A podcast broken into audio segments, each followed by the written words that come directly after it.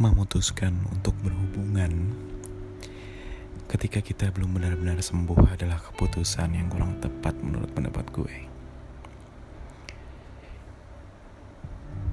Ini semua berdasarkan pengalaman yang gue alamin sendiri. Ada kalanya memang kesendirian membuat kita tersiksa dalam kesepian. Membuat kita ingin bersama orang lain. Dan gak ada yang salah dengan itu. Karena ada orang lain yang cara untuk sembuh dari rasa sakitnya yang menjalani hubungan baru. Ada juga memang yang tidak bisa sendirian. Yang memang selalu butuh orang lain untuk selalu bersama. Semua adalah pilihan. Yang jadi kurang tepat adalah ketika kita yang sebenarnya belum 100% sembuh mempersilahkan orang lain masuk ke dalam hidup kita. Tapi mungkin itu adalah tindakan yang tanpa disengaja, karena mungkin bertemu orang yang tepat juga.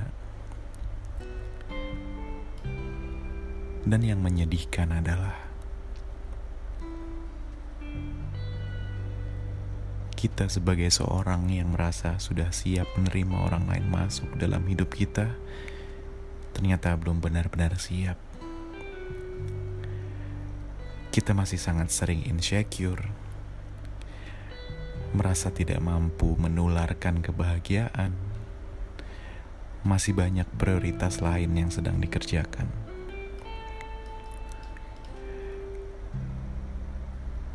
Dan tidak bisa membagi waktu dengan baik.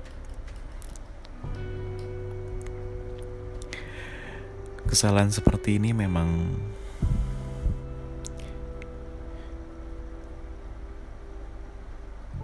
menambah kesakitan baru.